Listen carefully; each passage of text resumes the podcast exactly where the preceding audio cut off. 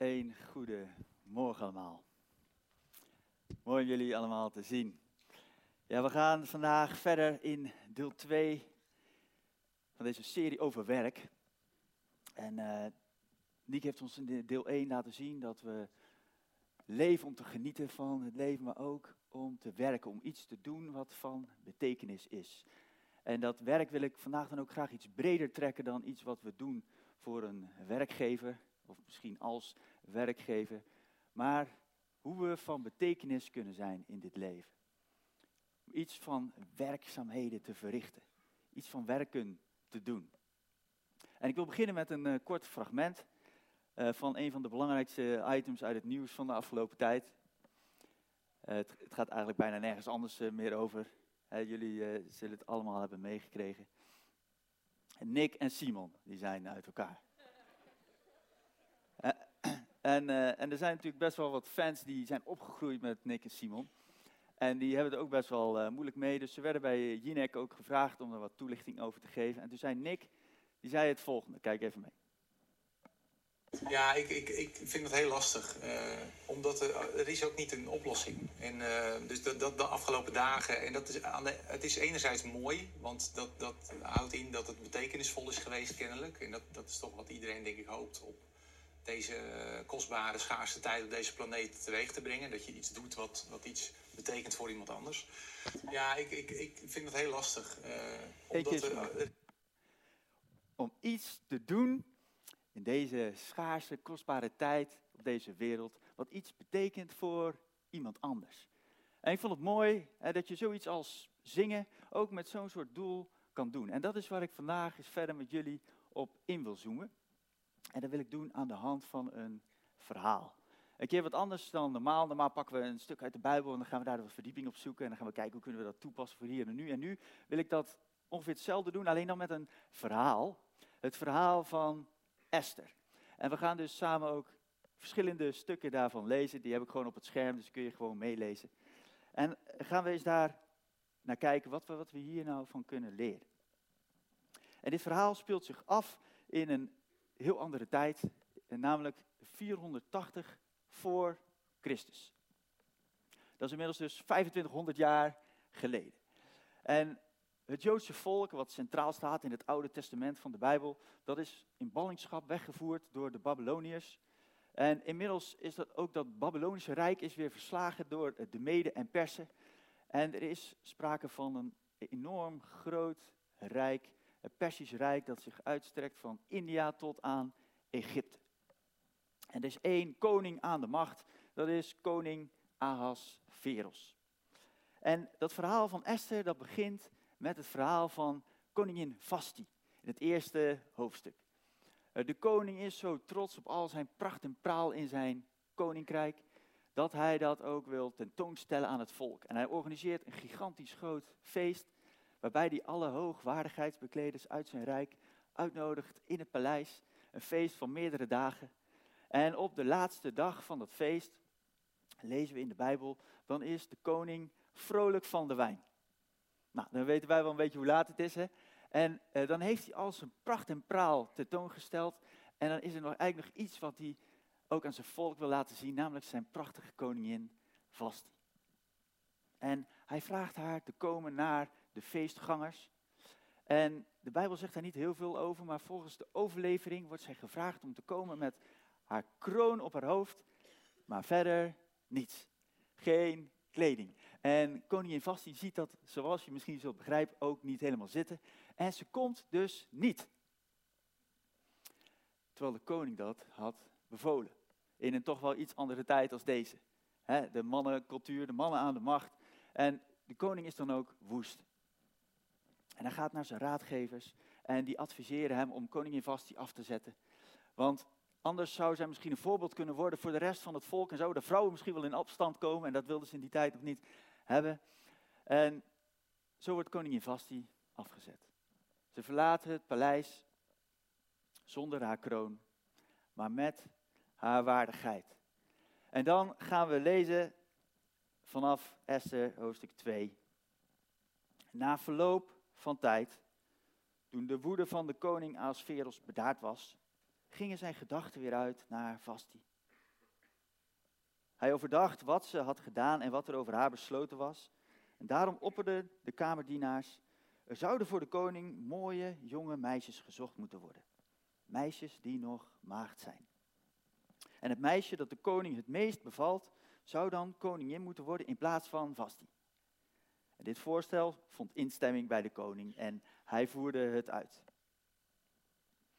Een soort schoonheidswedstrijd. Bachelorette. RTL 4 die had er een mooi programma van kunnen maken. Op zoek naar het mooiste meisje van het land om de nieuwe koningin te worden.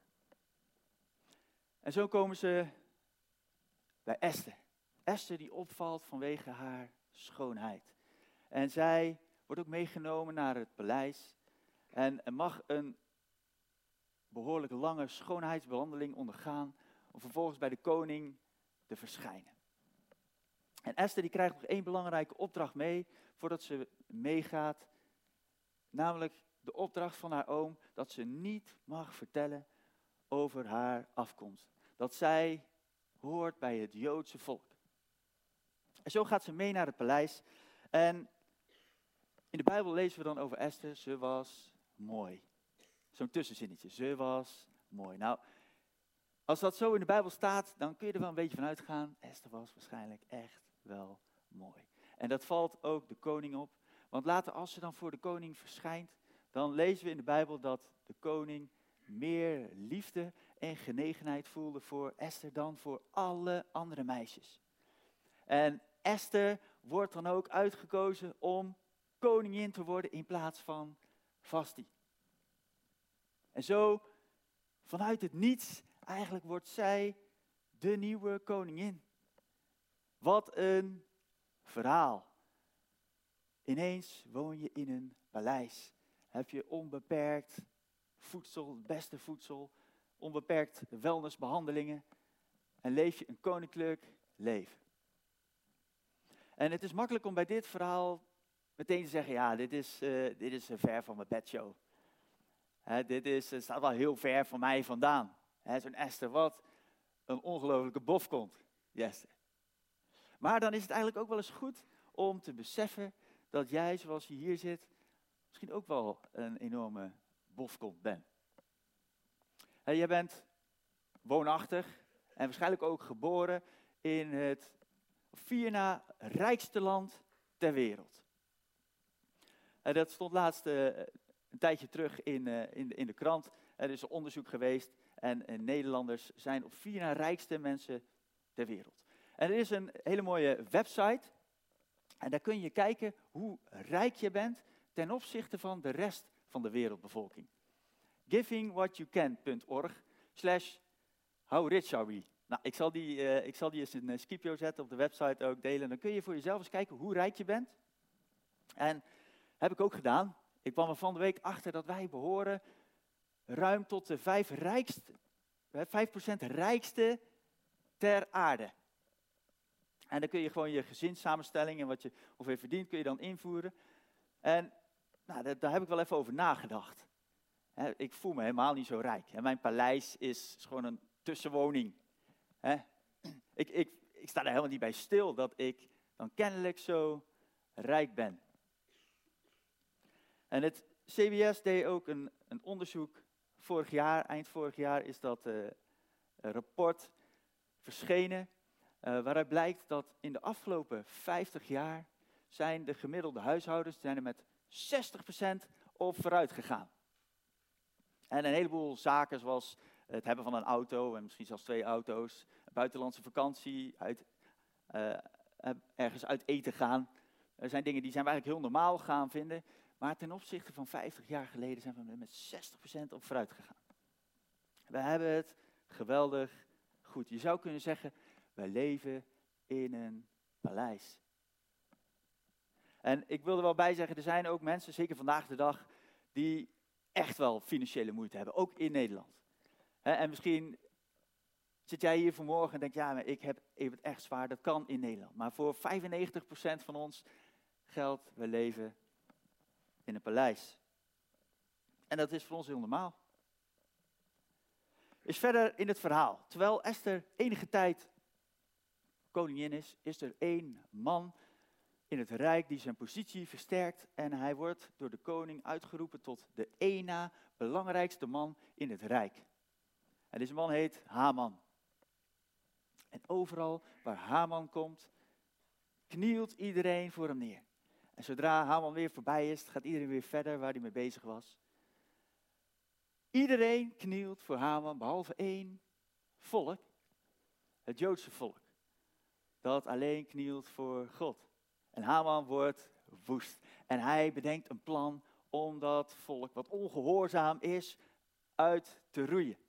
En dat plan legt hij voor aan de koning. En hij zegt daarbij, eh, ik ben zelfs bereid om enorm veel geld vanuit mijn schatkist over te brengen naar de koninklijke schatkist, als dit plan ten uitvoering mag worden gebracht. En de koning die geeft akkoord. Er wordt een brief opgesteld met de zegelring van de koning. Dat, en die brief wordt naar alle provincies gestuurd. Dat op de vaste dag, de dertiende dag van de twaalfde maand, dat alle Joden uitgemoord zouden moeten worden. En al hun bezittingen mochten worden buitgemaakt. En er is één man, een Mordechai, die in dit verhaal ook vaak terugkomt. Dat is de oom van Esther en die komt achter dit nieuws. Deze plannen. En hij neemt contact op met Esther. En hij zegt, je moet naar de koning toe. Je moet smeken voor jouw volk. Je moet iets doen. En dan gaan we lezen hoe Esther daarop reageert. Esther droeg Hatag op om Mordechai het volgende te antwoorden op zijn oproep. Alle dienaren van de koning en de inwoners van alle provincies van het koninkrijk weten dat er maar één wet geldt voor iedere man of vrouw die zonder ontboden te zijn naar de koning gaat en in de binnenhof komt. Die persoon wordt ter dood gebracht. Alleen degene wie de koning zijn gouden scepter toesteekt, brengt het er levend vanaf. Wat mij betreft, ik ben al in geen dertig dagen bij de koning ontboden. En die woorden worden overgebracht naar Mordechai. Esther, die zelfs nog niet eens zelf heeft verteld over haar afkomst, dat ze zelf ook Joods is. Het is natuurlijk enorm spannend om dan naar de, de koning te stappen. Hè. Ze zal het paleis op het spel kunnen zetten. En dan reageert Mordechai als volgt volgende vers. Toen liet Mordechai het volgende antwoord aan Esther geven. Beeld je maar niet in dat jij, omdat je in het koninklijk paleis woont, als enige van de Joden zult ontkomen. Hij wint er geen doekjes om. Als jij nu je mond niet open doet, nu het moment daar is, komt er van een andere kant wel een uitkomst en redding voor de Joden, zo geloofde Mordechai. Maar jij en je vaders familie komen dan om. Wie weet ben je juist koningin geworden met het oog op een tijd als deze. Toen liet Esther het volgende antwoord aan Mordechai geven. Roep alle Joden in Susa, die in Susa wonen, bij elkaar en vast voor mij. Eet niet, drink niet, overdag niet, s'nachts niet, drie dagen lang. Ook ik zal op die manier vasten met mijn dienaressen. En na die voorbereiding zal ik naar de koning gaan. Al is dat tegen de wet. Moet ik omkomen? Goed, dan zal ik omkomen. Zegt Esther. Wat een dappere vrouw. En ze kiest er niet voor om, om, om maar verbogen te houden dat zij ook een Joodse afkomst heeft met het idee dat het misschien niet bekend zou worden en dat zij er goed vanaf zal komen. Nee, zij kiest ervoor om haar positie, om haar paleis op het spel te zetten voor haar volk. Misschien was zij wel koningin geworden met het oog op een tijd als deze. En dat is de oproep van Mordechai. En als je naar de oorspronkelijke tekst kijkt, dan staat er misschien ben je wel tot koninklijke waardigheid gebracht voor een tijd als deze. Mordechai geloofde dat God haar op die positie had gebracht en dat dat niet zomaar was. Dat dat was voor een tijd als deze. Wat zou jij hebben gedaan? Als jij in de schoenen van Esther had gestaan. En misschien is een betere vraag wel, wat doe jij? Wat doe jij met jouw paleis?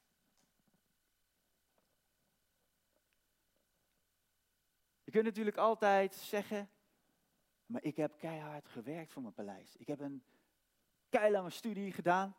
En daar heb ik heel veel uren in zitten, heb ik heel erg mijn best voor gedaan. En die promotie heb ik gewoon verdiend. ik heb gewoon kaart mijn best gedaan in het leven en ik heb wat bereikt. Maar je kunt het altijd terugbrengen naar waar heb je dan mee gewerkt. met talenten, competenties, waarmee je bent geboren, die je hebt gekregen, waar je zelf niks aan toe hebt kunnen voegen. Je hebt gewerkt met wat je hebt gekregen.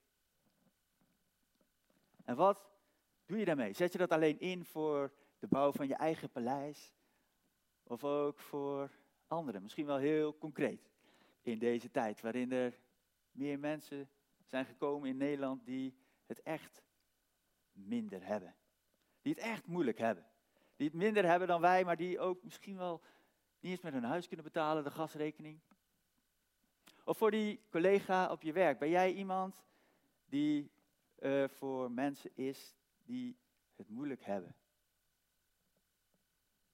Wat nou als God jou zou willen gebruiken op de plek waar jij bent? Als God jou daar heeft neergezet voor een tijd als deze. Voor die mensen om je heen die misschien zoekende zijn, is er meer tussen hemel en aarde. Ben jij dan een collega die zegt, oh, ik wil je wel eens meenemen naar Stadskerk, of ik wil eens een goed gesprek met je voeren. Neem jij daar wel eens de tijd voor?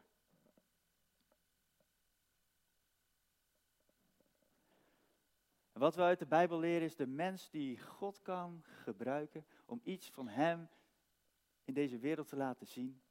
Dat zijn niet zozeer de mensen die het heel goed hebben gedaan, die het ver hebben geschopt.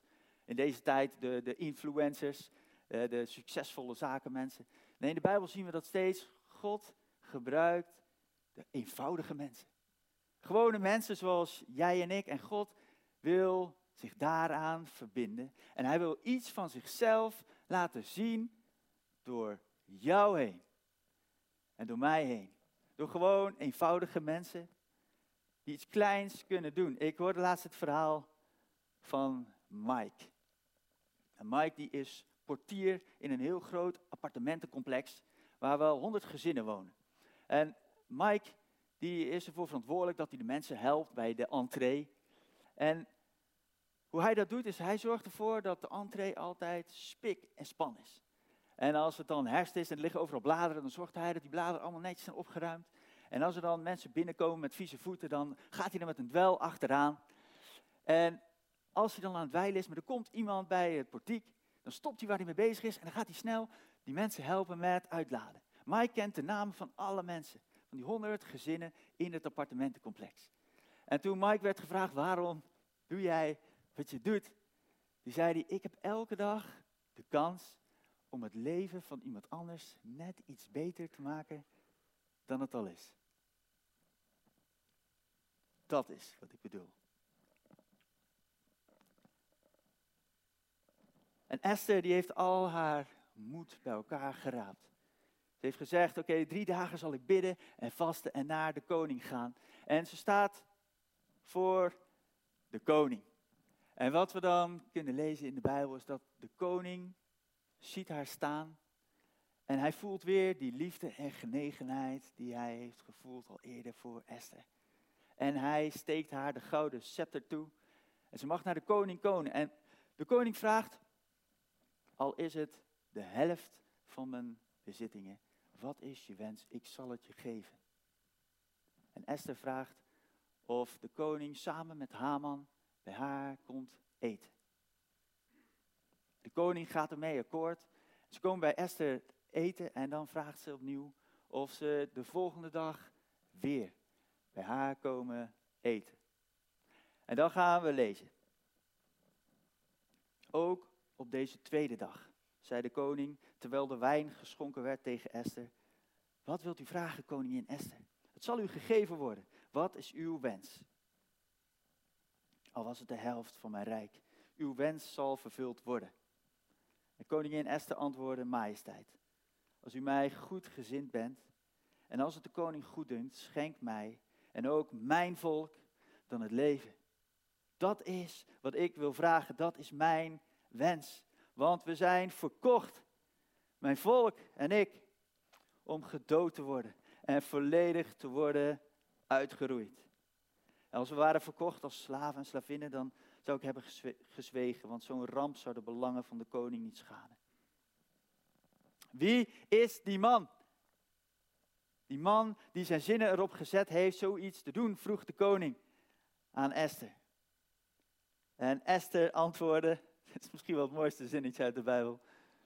Die meedogenloze vijand is die ellendeling daar, Haman. En zij wint er ook geen doekjes om. En ik zal uh, verklappen, uh, met Haman loopt het niet zo goed af. En ook, uh, ook dat plan voor de uitroeiing van de Joden, dat wordt voorkomen. En het is al een spoiler. Lees het thuis vooral nog, een keer, nog een keer na. Maar er is nog één ding wat ik uit deze tekst wil halen. En dat is het volgende. In die drie zinnen die Esther, waarin Esther haar vraag formuleert naar de koning, staat vier keer wij. Staat twee keer wij en twee, twee keer mijn volk. Gaat het vier keer over wij. Wij zijn verkocht. Wij zijn verkocht om te worden uitgemoord. Esther leeft niet met ik, maar met wij. En zij bestaat niet alleen voor zichzelf, het paleis wat ze heeft dus op het spel te zetten voor wij. En ik uh, kwam laatst een geweldig mooi stukje tegen van een film. En op een gegeven moment komen je kinderen in de leeftijd dat, uh, dat je dezelfde films leuk gaat vinden. En best een leuke tijd is dat. Hè? Uh, en dit is een stukje van de film Doctor Strange. En deze man die zet zich al heel lang in voor het redden van levens van andere mensen. Maar op een gegeven moment ontmoet hij toch een belangrijke leraar die zijn leven zal veranderen. Een lerares moet ik zeggen. En het laatste advies wat ze hem zal geven zal voor hem levensveranderend